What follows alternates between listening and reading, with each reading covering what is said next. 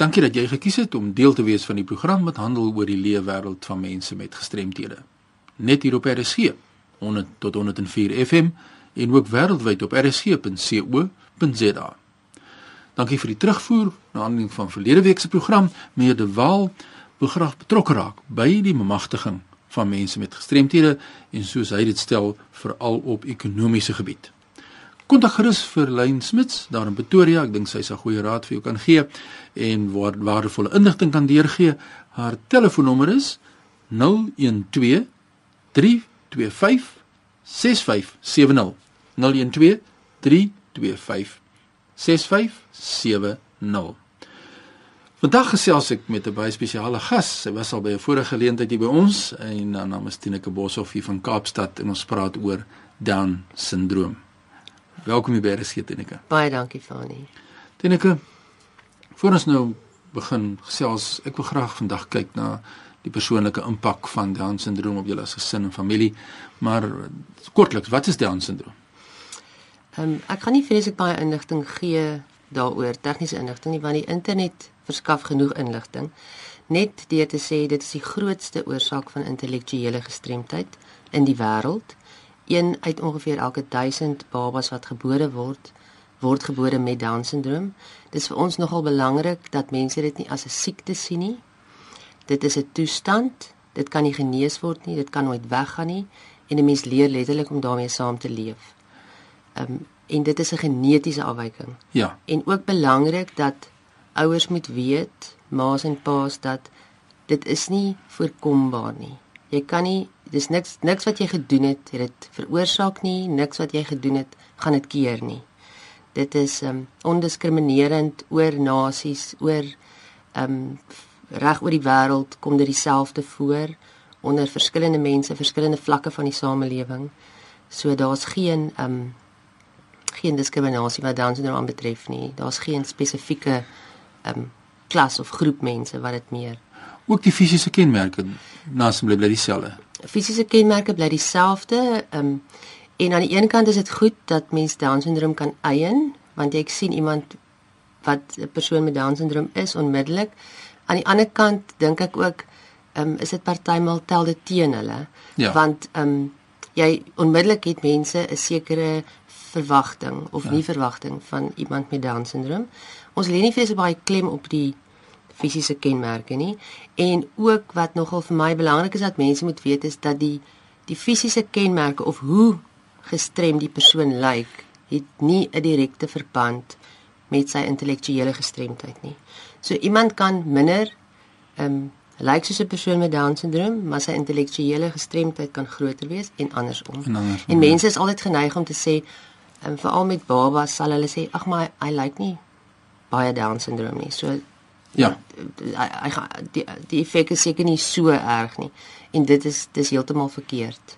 Ja, dit is baie waar en ek dink dit waar die bewusmaking ook 'n baie belangrike rol speel. Ons gaan net nou so tyd is in die program bietjie gesels oor bewusmaking en sensitisering van die gemeenskap en ook die negatiewe denkerigtinge wat mense het oor mense met down syndroom. Maar die hoofrede hoekom ek vir jou gevra het om met ons gesels in 'n verlede program kon ons nie die impak regtig deurbreek rondom die familie nie. Mm. En ek wil graag by jou hoor. Vertel my, hoe het jy gevoel toe dit nou in julle gesin gebeur het? Goed, ek wat ek kan wat ek miskien net voor die tyd moet sê is dat ons het nie geweet dat Kevin gebore gaan word met down syndroom nie. Ehm um, so dit was vir ons 'n geweldige skok. Uh ek dink 'n mens gaan deur 'n rouproses want die baba wat jy al verwag het en die drome en die ideale wat jy vir daai baba het is op daai oomblik wat die dokter vir jou sê jou baba het down syndroom val daai goed amper weg en jy moet nuwe drome en nuwe ideale daarstel. Ehm um, Kevin uh, is nou 19. Hy ehm um, ons was baie gelukkig want 40% van mense met down syndroom of babas met down syndroom word gebore met 'n hartdefek en syne was gelukkig baie minimaal. Hy het 'n operasie gehad op 2 dae um, op vir 'n duodenum vernouing ensovoorts ensovoorts. Maar ek dink die groot ding is maar net dat die mat is onder jou voete uitgeruk en dis regtig iets wat 'n mens nie vir iemand anders kan beskryf nie. Ja, jy weet in die gemeenskap is hard oor die uh, die onderwerp normaliteit. Wat is normaal? Ja. En nou ewe skielik, soos jy sê, daar word nie voorbereiding getref daarvoor nie. En ons het hierdie persepsies oor normaliteit en nou word iemand met 'n verlies in hierdie geval dan 'n Down syndroom gebore en nou moet ons veg daarteen. Ek kan verstaan dat dit moet 'n groot uitdaging wees en nou kom die die kleintjie word nou groot en nou is dit skool. Hoe hoe dit gevoel of kleuterskool of wat is die grootste uitdagings wat jy vir ouers kan sê wat julle identifiseer het in daai stadium? Ek dink um iets wat 'n mens moet besef is dat wanneer jou kind met 'n gestremdheid gebore word, ek dink in die meeste gestremdhede, in die meeste gevalle, um moet jy self 'n pad maak vir daai kind. Ja. 'n uh, Kom ons sê 'n uh, 'n hoofstroomkind of 'n normale kind as ons dit nou so wil noem om omdat ek nie nou aan 'n ander woord kan dink nie. Se pad is half bestem. 'n Kind is 'n baba, hy word groot, hy gaan kleuterskool toe, hy gaan pre-primêr toe, hy gaan skool toe ensovoorts ensovoorts. Universiteit as hy ouers dit kan bekostig en en en.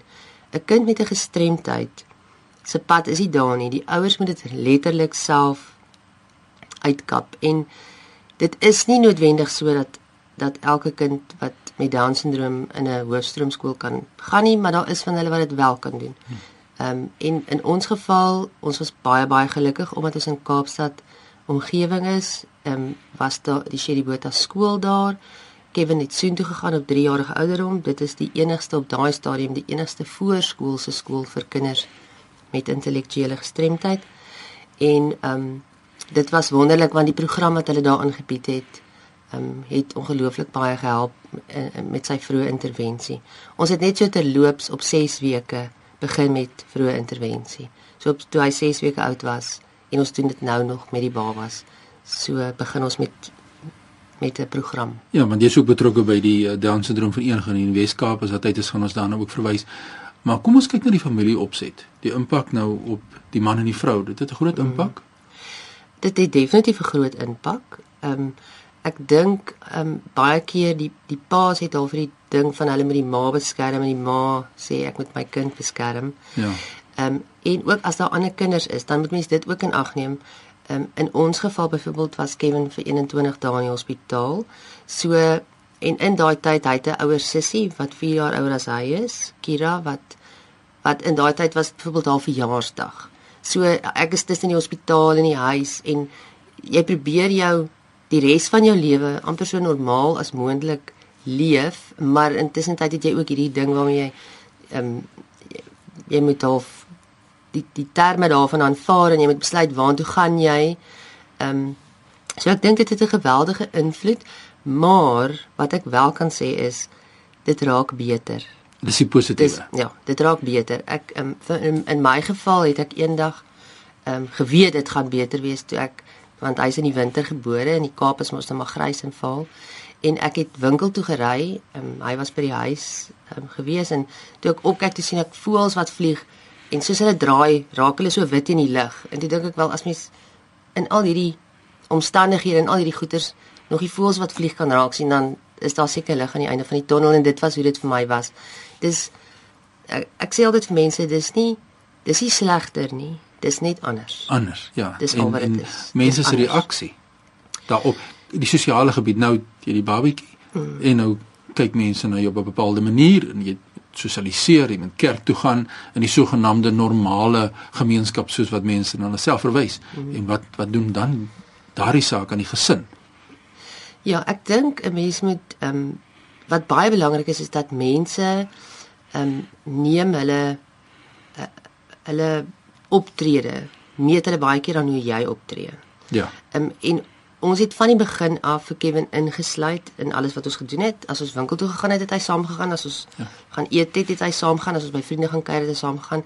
Ons het dit nooit weggesteek nie. Ons het dit nooit verbloem nie en selfs as ek in 'n in 'n ry staan by 'n uh om te betaal vir die kruideniersware het die en mense vra vir my vra dan sien ek dit as 'n geleentheid want vir my is dit wat ons nie ken nie vreemd en as ons iets vreemd is dan dan weet 'n mens nie hoe om op te tree en dis baie keer hoe mense dis nie dat hulle hulle negatief wil optree nie, maar hulle weet nie regtig hoe om op te tree nie. Onkunde, ja. Nee.